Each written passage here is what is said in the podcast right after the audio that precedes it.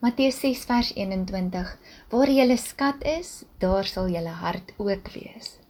Daar is 'n gesegde wat lui: Moenie so besig raak met die dinge van die Here dat jy nie meer by die Here van die dinge uitkom nie.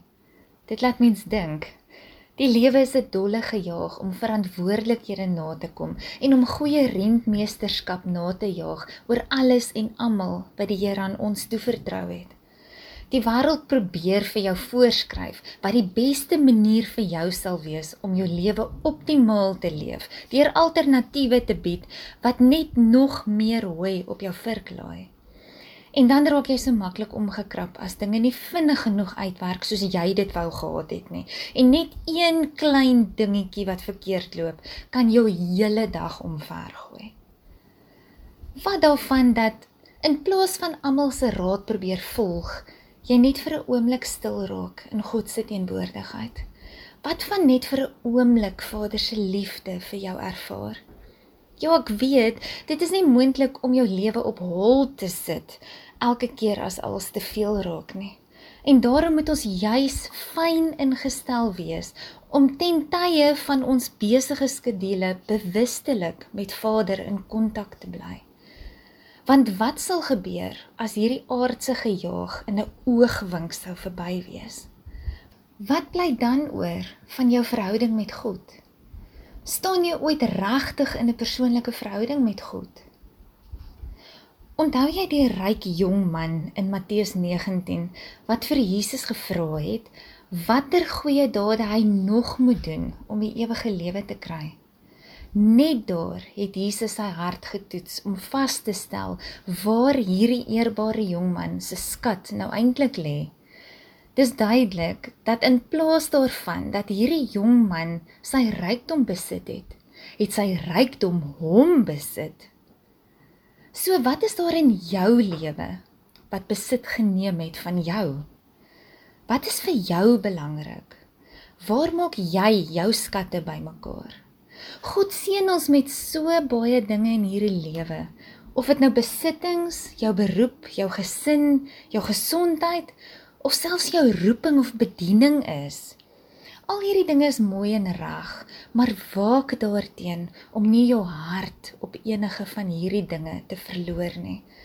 God bly die gewer van alle goeie gawes en hy wil jou seën. Maar bo dit alles is hy jaloers oor jou hart. Hy wil alleen eiendomsreg van jou hart besit. Hy wil dit nie deel met enige iets of enige iemand anders nie. Maak vandag 'n besluit om meer tyd saam met die een wat jou hele bestaan moontlik maak deur te bring. Ek het gevind dat wanneer ek my afspraak met die Here eerste ding in die oggend nakom, dit net soveel makliker is om die hele dag van hom bewus te wees. En dan vir die res van die dag kan ek met die Here praat, enige tyd en enige plek. Hy word nie verhinder deur tyd en plek nie. Nee, hy is inteendeel altyd in afwagting dat ons met hom gesels. En hy luister met dieselfde deernis na jou stil skiet gebeure as waarmee hy luister wanneer jy in die oggend of die aand alleen tyd op jou knieë met hom spandeer. Waak ook teen emosies. Die sorges van die lewe, bekommernis en vrees kan so maklik jou skatte wegdra. Daarom sê Filippense 4 dat jy jou oor niks moet bekommer nie, maar dat jy in alles jou begeertes met God moet bespreek sien jy? Praat met God altyd en oor alles. Die lewendmakende gees van die waarheid woon binne in ons en daarom moet ons elke oomblik van elke dag ingestel wees om sy stem te hoor en om in gesprek met hom te wees. Net soos jou gedagtes heeltyd besig is, hoor en verstaan die Heilige Gees wat in jou hart aangaan en is niks vir hom geheim nie. Maar hierdie selfde sagte gees van God verlang dat jy jou hart en lewe oopstel vir hom. Hy wag vir jou om tot God te nader, want soos die woord sê, dan sal hy tot jou nader. Dit kos 'n doelgerigte bewustheid van God se teenwoordigheid in jou lewe. Nie net in die stil tye nie, maar ook tydens die storms en die geraas om jou. Oefen jou oë om God te sien in alles om jou en oefen jou ore om God te hoor in alles wat met jou gebeur.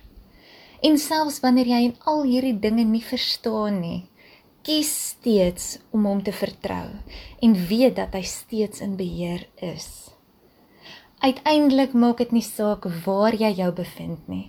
Kies elke oomblik oor en oor om God eerste te stel, want waar jou skat is, daar sal jou hart ook wees. God vra jou hart, jou hele hart.